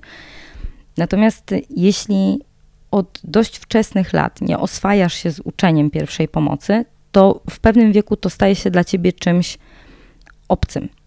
E, No jak każda rzecz, której, z którą nie miałaś styczności. Ale jeśli jako trzylatek miałaś do czynienia z fantomem, Mhm. to to jest coś oczywistego, że to jest taki element edukacji. To jest w przedszkolu, jest w szkole i to się uczymy bardzo ważnych rzeczy. Jak jeszcze te zajęcia fajnie poprowadzić, to się okazuje, że te 3-4 latki e, za chwilę będą bardzo fajnymi dorosłymi, którzy będą wiedzieli, jak udzielać e, dobrze tej pierwszej pomocy i będą jej udzielać chętnie. Najlepsze lekarstwo na znieczulicę. Skandynawia w tym e, dała świetny przykład, bo tam od e, 15 ponad lat taki program edukacji dla dzieciaków w wieku przedszkolnym e, ruszył. I potem ta edukacja kontynuowana w późniejszych etapach edukacji zaprocentowała tym, że w krajach skandynawskich prawie każdy człowiek koło dwudziestki wie, jak udzielać pierwszej pomocy. I to nie teoretycznie, tylko tak Nie. praktycznie. Nie, I bardzo chętnie to robią. Mhm. E, Tam jak skręcisz nogę i siedzisz i powiesz ała, ała, e, to zaraz znajduje się ktoś, kto jest gotów ci pomóc e, i wie, jak to zrobić. Także to jest totalnie fantastyczne. No, chcielibyśmy, żeby w Polsce też tak było, stąd też cały ten mały bohater, I całe zaangażowanie. całe No to pani ratownik, Pani ponieważ słuchają nas, słuchają nas kierowcy. I teraz się na nich skupmy. Co powinien przede wszystkim wiedzieć kierowca, kiedy jest świadkiem zdarzenia? Takie krótkie przeszkolenie podcastowe. Takie krótkie podcastowe przeszkolenie. Koledzy ratownicy, wybaczcie. Muszę się pokajać na dzień dobry, bo be, be, będzie, będzie ten lincz. E, Przede wszystkim bezpieczeństwo własne. Jakby cokolwiek się nie stało poszkodowanemu, e, to musicie pamiętać, drodzy kierowcy, o tym, że wy macie wrócić do domu cali i zdrowi. Niezależnie od wszystkiego, zatrzymać samochód e, w taki sposób, że nawet jeśli zostanie on potrącony, to nie wiedzie w was, tak? Czyli skręcone Boże, koła. Słuchaj, jak to mówisz, przypomina mi się taki straszny wypadek, który miał miejsce jakiś czas temu na moich terenach. Się, y, osoba z moich okolic, ale wypadek na autostradzie. Chłopakowi na autostradzie zepsuł się samochód. Stanął. Chciał wyjść, postawić trójkąt i jechał tir. Reszta jest wiadoma. I to a propos tego, że kurde, chcesz zabezpieczyć, żeby było bezpiecznie i dupa. I wysiadasz stroną pasażera. Znaczy, no wysiadasz od tej strony, od No tak. której nie masz ruchu. Tak, No. no bo jak zatrzymasz się na, na lewym pasie, to, to wiadomo, że tam masz pas zieleni, tak. Natomiast własne bezpieczeństwo jest absolutnym priorytetem. E, I to własne bezpieczeństwo oznacza zatrzymaj się i pomyśl. Trójkąt, skręcone koła, włączone y, światła awaryjne, Ja słuchaj, zatrzymanie niedawna- kolejnych samochodów. Od niedawna wożę z przodu, bo wiadomo, że większość apteczkę trzyma w bagażniku. E, wożę sobie z przodu kamizelkę odblaskową, Mhm. żeby ją mieć pod ręką właśnie jakbym potrzebowała nagle wyjść. Bardzo ważne. Bardzo ważne. Bo wszyscy lubimy ciemne dżinsy i ciemne bluzy, tylko nocą trochę kiepsko je widać. Tak, no więc to ten punkt pierwszy, bezpieczeństwo własne absolutnie najważniejsze. E, W to bezpieczeństwo własne wchodzi również ten element, który ja tak e, namiętnie tłukę na szkoleniach. Kto był na moim szkoleniu wie, że ja jestem panią od rękawiczek i pani, która wciska rękawiczki wszystkim. To jest białe rękawiczki? Nie, e, zwykłe nitrylowe rękawiczki. Mhm. Paczka rękawiczek, która ma 100 sztuk, kosztuje Grosze. 15-20 zł. Mhm. Już bez przesady. Rękawiczki ważą nic, zajmują nic miejsca, e, a chronią cię przed wszystkim, co się wylewa z drugiego człowieka i przed wszystkim, co z tego człowieka może się na ciebie przenieść. Tak, wracamy do tego, że ty chcesz wrócić do domu i wyściskać swoich bliskich. Nie zastanawiać się, czy coś przywlekłaś. Więc tutaj to bardzo ważny element. E, I bez rękawiczek nie macamy się z obcymi. Bardzo mi przykro. Zapamiętać na wieczór. No tutaj już wiecie, no. Ja nikomu nie mówię, jak ma żyć, ale jeśli chcesz komuś pomagać, e, komu stała się krzywda i jest w tym stanie zagrożenia zdrowia życia, to naprawdę podstawowy element. e, Empatia empatią, ale, ale wracamy do domu. E, I to jest, e, to jest ten punkt pierwszy. Po drugie, sama ta chęć pomocy to już jest dużo. Dlatego, że wykonując telefon na 112 i rzucając hasło, e, bo zdarzyły się dwa samochody, mm, i jest kolizja albo jest wypadek e, i jakby mówiąc tylko gdzie, e, no a ilu jest poszkodowanych, a nie wiem, bo ja tylko przejeżdżałem. To, to, jest, Mhm. no, to jest złe, tak, no, to jakby powoduje, że służby muszą same te wszystkie informacje ustalić. A jeśli już jesteśmy w stanie powiedzieć, czy, czy ten człowiek, który miał wypadek, jest przytomny, czy oddycha, jeśli jest nieprzytomny, to czy oddycha, jeżeli umiemy te podstawowe rzeczy sprawdzić, E, i jeżeli umiemy zareagować w tej najbardziej dramatycznej sytuacji, czyli e, zatrzymania krążenia, trzy czwarte roboty. To takie bardzo podstawowe elementy. A jedna czwarta to zostać i czekać? Tak. I umieć udrożnić drogi oddechowe, jeżeli Głowa człowiek jest nieprzytomny. Mhm. Baną. Paradoks polega na tym, że ta pierwsza pomoc w wydaniu nie medyków i jakby nie ratowników jest dość prosta, ale też bardzo skuteczna. To są takie elementy, które są absolutnie podstawowe i oczywiście ratownicy też, e, też o nie dbają i o nich pamiętają, bo one są absolutnym fundamentem. Jak to zrobimy, to prawdopodobnie spokojnie doczekamy do przyjazdu karetki i nic gorszego się nie stanie. Jeśli tego nie zrobimy, no to powstaje znak zapytania. Czasami najlepszym rozwiązaniem jest nie ruszać tego poszkodowanego. Jeśli nie trzeba, to go nie ruszamy. Wykonujemy jak najmniej A tych kiedy ruchów. wiemy, że nie trzeba? Jak jest nieprzytomny z zachowanym oddechem, udrożniamy drogi oddechowe, no to już jest jakiś ruch, tak? No ale musimy go wykonać. E, I tyle. I więcej go ruszać nie musimy. Jeśli ten samochód nie płonie, nie ma potrzeby jakby wyciągania człowieka z A tego samochodu. płonie? No jak płonie, to go wyciągamy. No, No a jeśli on wybuchnie, jak my go wyciągamy? nasze bezpieczeństwo. To musisz ocenić tę sytuację. Jeżeli to jest samochód, z którego gdzieś tam wydobywa się stróżka dymu i oceniasz swoje możliwości, jako ok, te drzwi się otwarły, Mhm. e, pan miał niezapięty pas, więc jestem w stanie w miarę szybko go za habety wytargać, e, no to okej, to możesz spróbować, tak, no ale cały czas patrzysz, czy tobie to nie zagraża. Jak jest to dla ciebie zbyt duże zagrożenie, no trudno. Dobra, no to to mamy z pozycji osoby, która jest z, ym, świadkiem zdarzenia. Mhm. A co my jako kierowcy możemy już zrobić, żeby zabezpieczyć siebie? I pomijam jazdę zgodną z przepisami, bo to wiadomiks. zapinać pasy. Super ważna rzecz. E, No dzisiejsze samochody, jakby dbamy o swoje samochody. I jak słyszę, że ktoś się zrzyma na temat tego, że bo na stacji kontroli pojazdów to taka bardzo szczegółowa kontrola i o, bo to tylko trochę gorsze hamulce. No kurde, to jest element bezpieczeństwa twojego i pozostałych użytkowników drogi. Więc dbamy o swoje samochody, żeby one miały sprawne te systemy bezpieczeństwa. E, Wysypiamy się. To jest O tak Jezu. ważne. Zmęczenie jest porównywalne do alkoholu.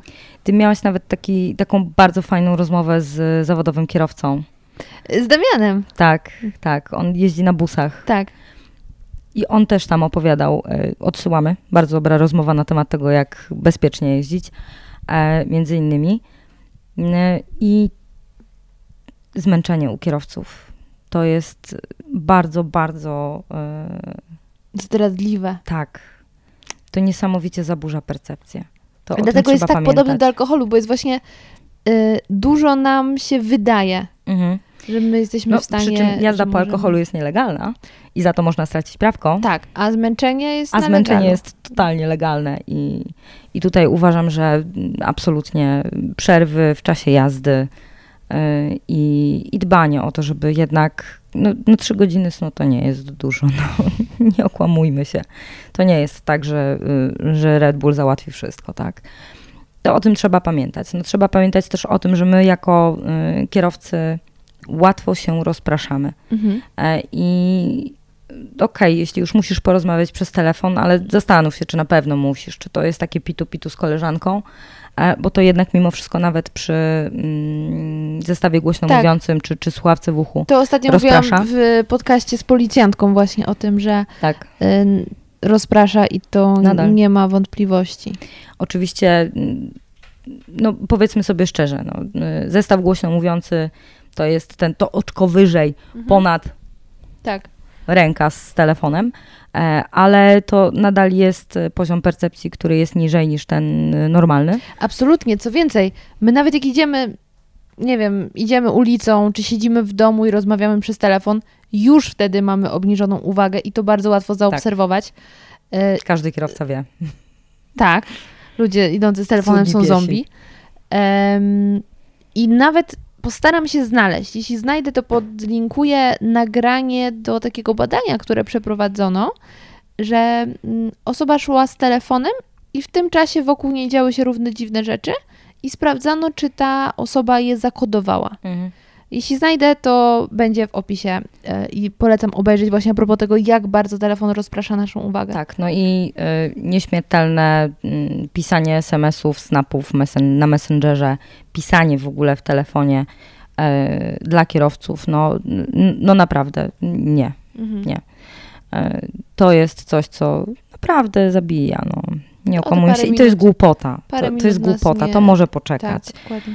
E, Więc to jest coś, co e, dla kierowców, którzy chcą zadbać o swoje i innych bezpieczeństwo, to taki, zobacz, że to są znowu proste rzeczy, to jest taki fundament, taki basic e, tego, co my możemy zrobić, ale w codziennym życiu tych rzeczy pilnuje się dość trudno. Tak, no bo weź nie odbierz tego telefonu, albo weź nie odpisz na tego SMS-a, albo weź go w ogóle nie przeczytaj. Mhm. No to jest, to jest wyzwanie.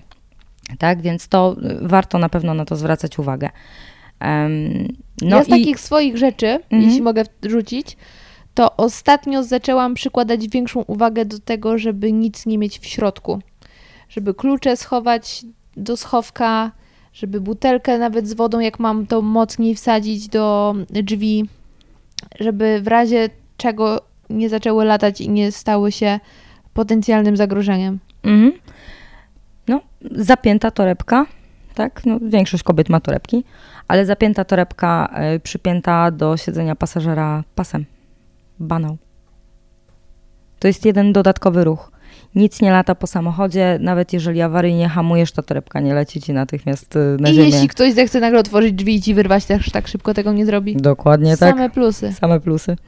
Poza tym tego torebki, umówmy się, zwykle były drogie.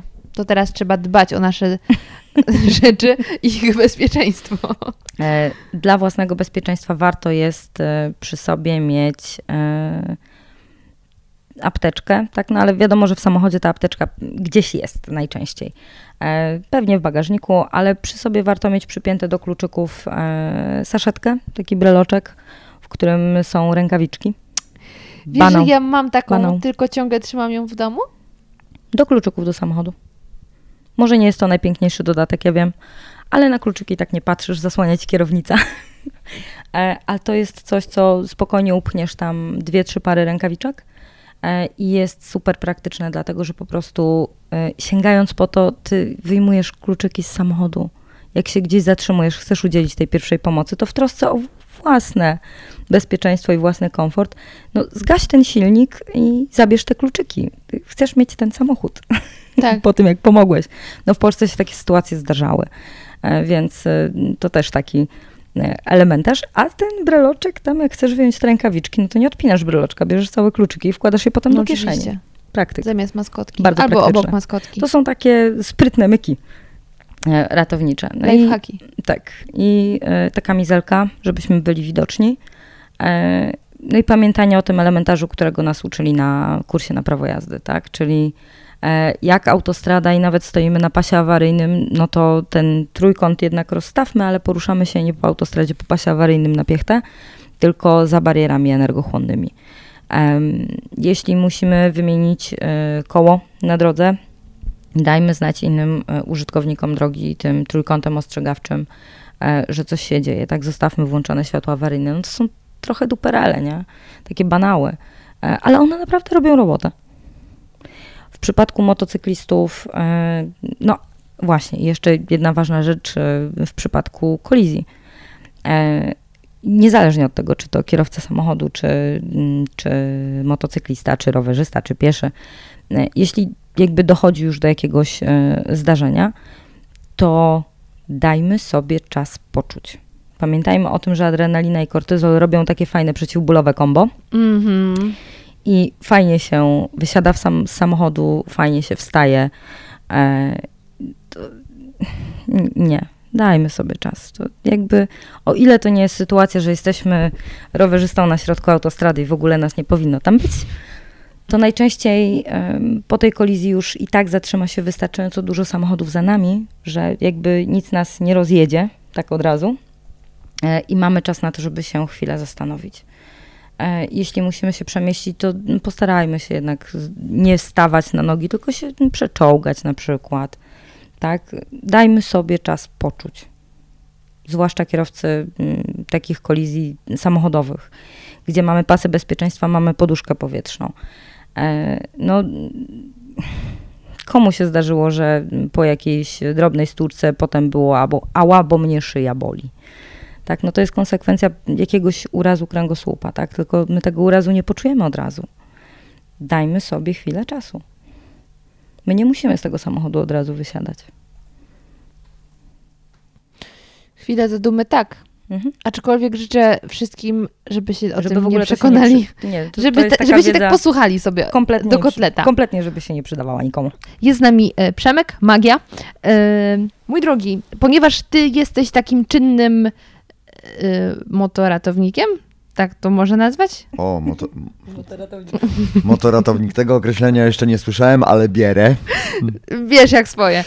E, ratownikiem i kierowcą motoambulansu, tak. Tak. Powiedz mi, y, do jakich akcji zazwyczaj jeździsz? Czy da się to jakoś uogólnić, co zazwyczaj cię spotyka po przyjeździe? W bardzo szerokich ramach da się uogólnić. Generalnie jesteśmy dysponowani jako motocykle ratunkowe, jesteśmy e, dysponowani do wszystkich zdarzeń, które nie wymagają do wchodzenia do, do mieszkań, do budynków, tak? Czyli do wszystkiego, co się dzieje na, na drodze. Od osoby leżącej na przystanku, od, y, za, poprzez zasłabnięcia, em, bójki, czy tam efekty bujek, prawda, jaki, w jakimś parku między y, podchmielonymi lekko panami, tu, paniami również się zdarza. Gender. Mamy, w końcu mamy równouprawnienie, walczyłyście o to, to macie. Em, e, tak, e, aż do takich naprawdę bardzo poważnych zdarzeń, e, no chyba autostradowe są najpoważniejsze, bo tam jednak te prędkości są bardzo wysokie. Także do, do, do takich poważnych zdarzeń, nawet masowych, e, wieloosobowych zdarzeń, kolizji drogowych, wypadków drogowych. Jaka była taka twoja najbardziej hardkorowa akcja? Właśnie jakaś y, zbiorowa stłuczka, wypadek? Zbiorowa stłuczka, zbiorowy wypadek. Wiesz co, ciężko mówić y, o tym, która była najbardziej hardkorowa. Każda gdzieś tam, e, każdy wyjazd, każde zdarzenie e, gdzieś tam pozostaje z tyłu w pamięci. Nie zawsze te, te mnogie zdarzenia są najtragiczniejsze w skutkach, tak? Bo może się okazać, że mamy 10 poszkodowanych, ale mamy 10 lekko poszkodowanych, prawda? A mamy jedną ofiarę, która jest ofiarą, może się zdarzyć, że finalnie śmiertelną. Także no tutaj ciężko mówić, w, rozpatrywać to w takich aspektach. No, co, co, co, co tobie i mm, twoim widzom mogę powiedzieć, e, najbardziej chyba pamięta się tych najmłodszych. Jeżeli e, w jakimkolwiek zdarzeniu, e, do którego jedziemy, ofiarą tego zdarzenia, ofiarą wypadku jest dziecko, e, to naprawdę bardzo się przeżywa później. Z tego jest najtrudniej się otrząsnąć i to zawsze gdzieś tam zostaje z tyłu w głowy. A to tak w ogóle zapytam cię, czy wy jako ratownicy macie prawo ym, skorzystania z porady, ze wsparcia psychologa w jakieś takie nadane przez e, organizacje ratownictwa? Ależ prawo oczywiście, że mamy, bo kto bogatemu zabroni, nie? Bogatemu, no właśnie. E, bardzo fajnie, bardzo ładnie mówi się o tym, że nie tylko ratownicy, ale generalnie wszystkie służby zajmujące się ratowaniem zdrowia i życia ludzkiego, które pracują e, pod presją stresu, pod presją czasu, mm, pod presją niebezpieczeństwa, e, no mają oficjalnie się o tym mówi, mają zapewnione wsparcie psychologa i tak dalej. Tylko prawda jest taka, że tych psychologów jest jak na lekarstwo. Jak, yy, yy, I tak naprawdę to wsparcie psychologa jest potrzebne zaraz. Ale gdyby każdy z ratowników chciał korzystać po, po swoim dniu pracy ze wsparcia psychologa, Żeby nikogo nie było w pracy. no nie, no mniej więcej to, to, że nikogo by nie było w pracy, to pół biedy. Mm, Ale kolejki byśmy mieli do tego psychologa jak do szpitali, nie? Czyli najbliższa planowana wizyta za dwa lata. Po co mi to już wtedy, tak? Także nie, no rzeczywiście zdarza się, że ratownicy na własną rękę y, starają się skorzystać y, z, z, ze wsparcia właśnie psychologa. Czasami to prywatnie. No, szczęśliwcy mają tego, że tak powiem, służbowego psychologa na podorędziu, nie? Czasami się zdarza, że się uda im dobić. A to by się zdarzało korzystać? Nie, nie zdarzało mi się póki co na szczęście. Twardy facet. No, może nie. A powiedz mi, jak przyjeżdżasz na miejsce, co robisz jako pierwsze? A to w zależności od tego, co się dzieje. E, no na pewno Emilka już tutaj wspominała wcześniej. No, pierwsza rzecz no, to jest to rozpoznanie rozpoznanie sytuacji, tak, z jaką mamy do czynienia. No, muszę, muszę zapoznać się z tym, y, ilu mam tych poszkodowanych, w jakim stanie mam tych poszkodowanych. No i w pierwszej kolejności zajmuję się tymi najciężej poszkodowanymi, prawda? A powiedz mi, no bo jak przyjeżdżasz, to zazwyczaj, myślę, że praktycznie zawsze, y, ci ludzie, do których jedziesz, są w szoku.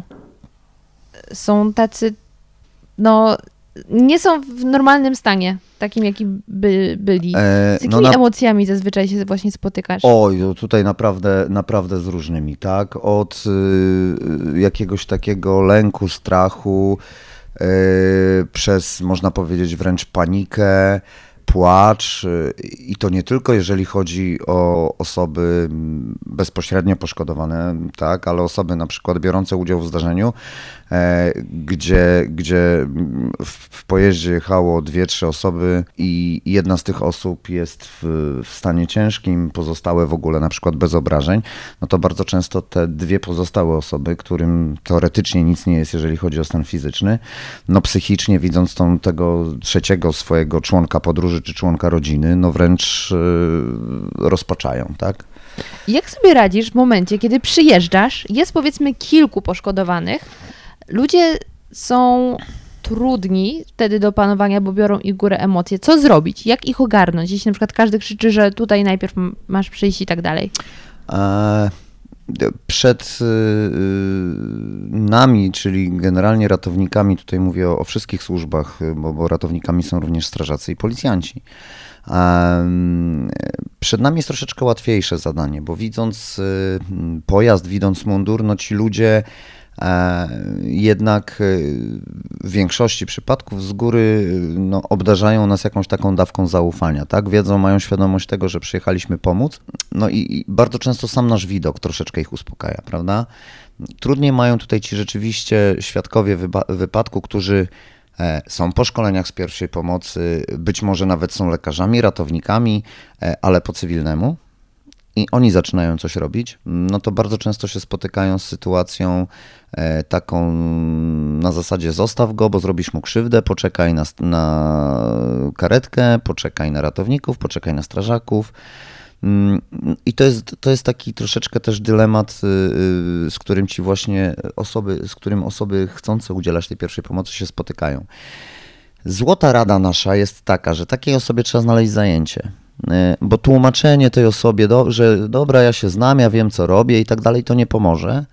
E, Ale, ale takim złotym środkiem, o którym my y, wspominamy zawsze na szkoleniach, które prowadzimy, jest znalezienie, znalezienie tej osobie jakiegoś zajęcia, wydelegowanie go do jakiegoś zadania. Na zasadzie, e, dobra, słuchaj, weź, wyciągnij trójkąt ostrzegawczy z samochodu, 100 metrów dalej, zanieś go, rozstaw i spowalniaj ruch, albo przynieś mi apteczkę, albo poszukaj koca w samochodzie.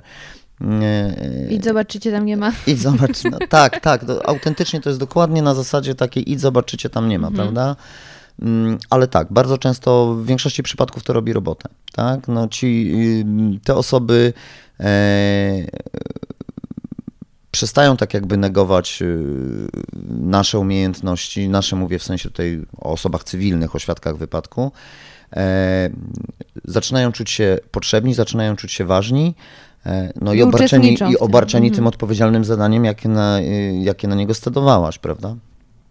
To teraz mi powiedz od strony takiej praktycznej, jako kierowca już ym, tego motoambulansu, co cię najbardziej wkurza, kiedy jedziesz do akcji? Hmm. Czyli mm, domyślam się, że. Domyślam. Mam na myśli zachowania innych y, uczestników Chyba ruchu. tak, chyba, chyba dokładnie to samo, co wszystkich y, ludzi poruszających się poja- pojazdami uprzywilejowanymi, tak? No to jest, no niestety tam bra- y, ten brak świadomości na temat y, tak zwanego korytarza życia, o którym się dużo mówi. Ale myślisz, że to jest kwestia braku świadomości? Przecież o tym się z każdej strony mówi. I na kursie chyba nawet. No, jest w podręcznikach. e, Słuchajcie, no jest. To nie jest, kwestia jest, tego, że ludzie. jest na kursie, ignorują? ale na kursie również jest pierwsza pomoc. No to jeżeli na kursie Na moim kursie był w Jest, pierwsza, jest pierwsza pomoc i w w pytaniach... książce. A, a właśnie. Ale pierwszą pomoc trzeba pokazać. A właśnie. A zrobić tunel to jest na zdjęciu. A czy wiesz, że na twoim kursie na prawo jazdy powinnaś mieć przynajmniej dwie godziny z ratownikiem? No i patrz, nie było. No. Tu- tym się różni teoria od praktyki, nie? Właśnie to jest to, y, to co powiedziałaś. Teoretycznie jest na kursie. No jest na kursie teoretycznie. Tak samo pierwsza pomoc na kursie jest teoretycznie. Mhm. Gdyby na kursie rzeczywiście była solidna pierwsza pomoc, to my nie musielibyśmy się co dwa miesiące spotykać y, z kierowcami, bo w- sklepie motocyklowym my zazwyczaj y, spotykamy się z kierowcami i pasażerami jednośladów, nie Mhm. tylko jednośladów. Mm, Ale głównie, no bo jest to sklep motocyklowy, gdzieś tam w tym środowisku. Społeczność. Społeczność jest taka, jaka jest. Mm, No ale ech- echo się szybko rozchodzi i, i, i wici, wici zawsze zostają puszczone i zawsze gdzieś tam się trafiają ludzie spoza, że tak powiem, społeczności motocyklowej, przychodzą na nasze szkolenia bardzo chętnie. E, ale gdyby to rzeczywiście było na przyzwoitym poziomie prowadzone na kursach e, na prawo jazdy, to nasze spotkania byłyby zbędne. E, To samo tyczy się korytarza życia. Gdyby solidnie do tematu podejść na kursach e, prawa jazdy i tak dalej, niepotrzebne byłyby kampanie społeczne e, mówiące o korytarzu życia, niepotrzebne byłyby naklejki na tyłach wozów strażackich, korytarz życia, masa rzeczy, które, na które są wydawane pieniądze po to, żeby ludziom uświadomić to, jak to powinno wyglądać. Ale to właśnie tylko i wyłącznie w momencie, kiedy byłoby to solidnie zrobione na kursie prawa jazdy. Realia mamy takie, jakie mamy. Wiadomo, że na kursie prawa jazdy największy nacisk jest, no i powinien oczywiście być kładziony na to, żeby tego kierowcę przygotować do tego samodzielnego wyjazdu na ulicę, Mm-mm. prawda? Żeby... Nie przygotowuję się do samodzielnego wyjazdu, tylko do egzaminu. Zależy do jakiej szkoły pójdziesz, No tak? I ja też uważam, że szkoły, y, bardziej się obracamy teraz, y, no i- i, do nas ludzie się pytają, y, do, do nas ludzie się zwracają z pytaniami odnośnie szkół bardziej motocyklowych niż samochodowych, prawda, jeżeli chodzi o kursy na prawo jazdy kategorii A. Jaką szkołę polecacie i tak dalej, nie? Ja zawsze mówię, mm, że szkoły jazdy motocyklowej przede wszystkim dzielą się na dwie grupy na szkoły uczące jeździć motocyklem i na szkoły uczące zdać egzamin. Mhm. Wybór należy do ciebie, do której pójdziesz. Tak? No właśnie. E, ale zawsze będzie ten nacisk, niezależnie czy to będzie szkoła, która uczy zdać egzamin, czy szkoła, która uczy jeździć motocyklem, zawsze ten nacisk będzie rzeczywiście więcej kładziony y, na mm, jazdę, na to jak jeździć, na to, żeby jeździć bezpiecznie, żeby nie zrobić y, krzywdy sobie ani innemu uczestnikowi y, ruchu. Mm, A te rzeczy dodatkowe, jak pierwsza pomoc, jak, jak właśnie korytarz życia, jak obsługa techniczna pojazdu, bo też jest na kursie e, na prawo jazdy, to zawsze będzie gdzieś tam tak z boku. Będzie, bo musi być. Bo jest, bo Mhm. Żeby trzeba. pokazać panu egzaminatorowi. Bo jest, bo są pytania, bo są pytania na egzaminie z tego, bo będzie, bo jest jedno pytanie, już nie, nie wiem, w tej chwili nie jestem na bieżąco, ale jest tam pewnie dwa pytania z pierwszej pomocy, jedno z obsługi technicznej pojazdu musi się pojawić, no i coś tam jeszcze, prawda? Zawsze to będzie takim gorącym kartoflem, który musi być, ale kładziemy na niego mały nacisk, wspomnimy o nim, ale niekoniecznie go wyszlifujemy, no nie? Taki nieoszlifowany diament. Potrzebny, ale, ale, jednak, ale jednak jeszcze nie gotowy. Być może kiedyś to się zmieni, być może e, nasi ustawodawcy, mm, nie wiem, może wydłużą czas trwania kursu kosztem tego, że będziemy się tego skuteczniej i dokładniej uczyć. Ja nie wiem, czy wydłużenie tutaj by coś dało. Myślę, że trzeba jakościowo do tego podejść. Może da, nie, no bo być może, wydłu- niektórzy- być może wydłużenie da na tyle, że rzeczywiście na te 2-3 godziny będzie mógł przyjść ten ratownik i przez te 3 godziny te podstawy pierwszej pomocy tym ludziom pokazać. Niech każdy sobie przećwiczy, e, niech każdy sobie zapamięta. E, I być może będzie mógł, tutaj może pokażę dla wszystkich naszych oglądających, wdrożyć bardzo pierwszą zasadę korytarza życia. To jest, my to nazywamy regułą prawej dłoni, tak? Gdzie, o, Emilka będzie pokazywała reguła prawej dłoni. Mamy dłoń, każdy z palców oznacza pas ruchu. I teraz tak, jeżeli mamy jezdnię dwupasmową, czyli mamy dwa, czyli mamy dwa pasy ruchu w jedną stronę, to korytarz życia przebiega tędy. Aha, Tu zjeżdżamy do lewej krawędzi, tu zjeżdżamy do prawej krawędzi. aha. Jeżeli mamy jezdnię trójpasmową, znaczy to jest jezdnia dwupasmowa, tak miało być. Tak. Dobra, jezdnia dwupasmowa. Lewy, Kciuk i palec wskazujący. Tak, lewy pas do lewej krawędzi, prawy pas do prawej krawędzi. Jeżeli mamy jezdnię trzypasmową, lewy pas do lewej krawędzi, Kciuk na lewo. dwa prawe pasy do prawej krawędzi i tak środkowy dalej. Czym i więcej pasów, zawsze zostaje nam ta przestrzeń między lewym pasem a pozostałymi. Tak musimy zostawiać korytarz życia. Proste? Banalne? Wow! Ej, ej, ja tego nie znałam. W sensie ja wiem, jak, że chodzi Mało o to, żeby był przejazd, ale ja wiesz, zawsze myślałam I to jest tam, to. gdzie jest łatwiej, nie? Słuchaj, A- to, to kilka minut wcześniej zadałaś mi pytanie, co mnie bardzo denerwuje. Denerwuje mnie to, że część ludzi nawet wiedzą, słyszeli o korytarzu życia, próbują go zrobić. ale nie wiedzą, każdy Wie- w inną stronę. Oni wiedzą, że korytarz życia po, polega na, uwaga, zjechaniu do krawędzi jezdni. A jak ja mam na autostradzie trzy pasy, słuchaj, to tam mam Dużo jezioro łabędzie autentycznie przed sobą. Każdy jedzie jak chce, bo ten próbuje z lewego pasa zjechać do lewej krawędzi, czyli prawidłowo. Drugi z lewego pasa próbuje się wepchnąć na prawy pas. Ten z prawego pasa próbuje zostawić y, wolny, wolną przestrzeń między prawym, y, prawym skrajnym a środkowym pasem i wyjeżdża na lewy pas. I ja mam, słuchaj, takie No dobra. autentycznie jezioro łabędzie. Ale powiedz mi, czy na autostradzie jednak dla służb nie zostaje awaryjny? Nie. Jak obejrzysz, bardzo dużo jest filmów, słuchaj, e, z racji tych kampanii społecznych odnośnie korytarza życia. Są pokazywane bardzo często korytarze życia od naszych zachodni, u naszych zachodnich sąs- sąsiadów. Niemcy, Francuzi, Holendrzy. Pokazana jest autostrada. Pas awaryjny jest pasem awaryjnym. A kory... on jest od awarii. What? Jak wow. sama nazwa wskazuje. A, a, a korytarz życia, no to teraz hipotetycznie załóżmy. No, Załóżmy hipo, hipotetycznie, że robimy to, co ty mówisz. Służby ratunkowe wykorzystują pas awaryjny do Przejazdu. Ja, do przejazdu. no. A w trakcie korka, powiedzmy, korek się utworzył w miejscu, gdzie na poboczu stoją dwa samochody, które uległy awarii. Okej. Okay? No, to zmienia postać rzeczy. Moi drodzy, ja jestem bardzo szczęśliwa, że ten podcast powstał, bo jestem przekonani, że teraz tak samo macie rozwalony mózg jak ja, a to bardzo dobrze. Dobrze rozwalony. Czasem dobrze jest mieć rozwalony mózg. Super. I tego mi nikt nie powiedział. I w podręczniku tego też nie było na pewno, bo ja go studiowałam. Byłam jedną z nielicznych osób, która naprawdę czytała cały podręcznik do pierwszy, yy, nauki jazdy. E, Słuchaj, ja podtrzymam tylko nasze zaproszenie ciebie na nasze Czuję szkolenie z pierwszej pomocy, bo nawet jeżeli kiedykolwiek brałaś udział, to osobiście mogę ci zagwarantować, Nie, że na jakościowe takim, były beznadziejne, bo to było w szkole. Tu nikt nie gdzie by zwracał nie było, uwagi. na takim nie byłaś. My łamiemy Mhm. wszystkie konwenanse, wszystkie zasady na naszych szkoleniach. Niektórzy ratownicy, y, którzy również szkolą, psy na nas wieszają, że robimy to w takiej formie, w To jakiej już mi robimy. się podoba. E, ale, ale robimy to w formie takiej, która rzeczywiście zostaje w głowie. Skuteczne. Jest masa przykładów, masa porównań, masa skojarzeń, takich, które ludzie, którzy wychodzą z naszego szkolenia, potem pamiętają do No ja już rękę zapamiętam. Absolutnie. No, to pokaż. No, zasada jest tak tak naprawdę. Dobra, zamykamy dłoń. Mamy jezdnię jednopasmową, Tak. tak.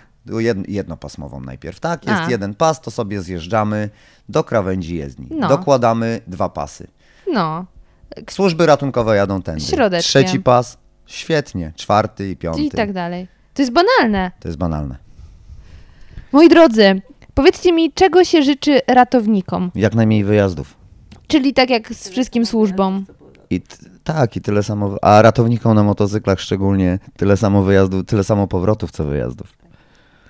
Moi drodzy, bardzo Wam dziękuję za rozmowę. Życzę Wam powodzenia z fundacją. Macie fantastyczne głowy pełne pomysłu i serca pełne e, chęci do roboty, a robicie fantastyczną robotę, zarówno już w praktyce, jak wyjeżdżacie, jak i na szkoleniach, na które z przyjemnością się wybiorę, bo już ręka totalnie mi rozwaliła moją dotychczasową wiedzę. I życzę Wam wszystkiego dobrego.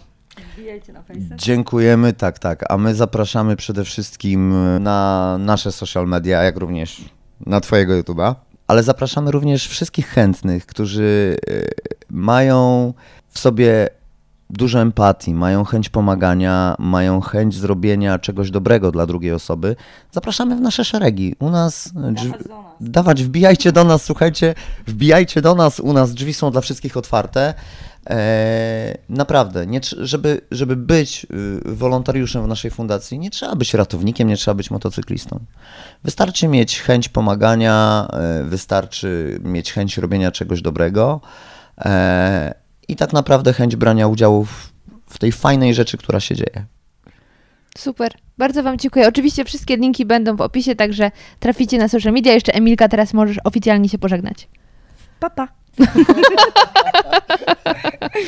I jak wrażenia? Mam nadzieję, że wyciągnęliście z tej rozmowy bardzo dużo praktycznej wiedzy, bo o to chodziło, żeby ten podcast był jak najbardziej praktyczny.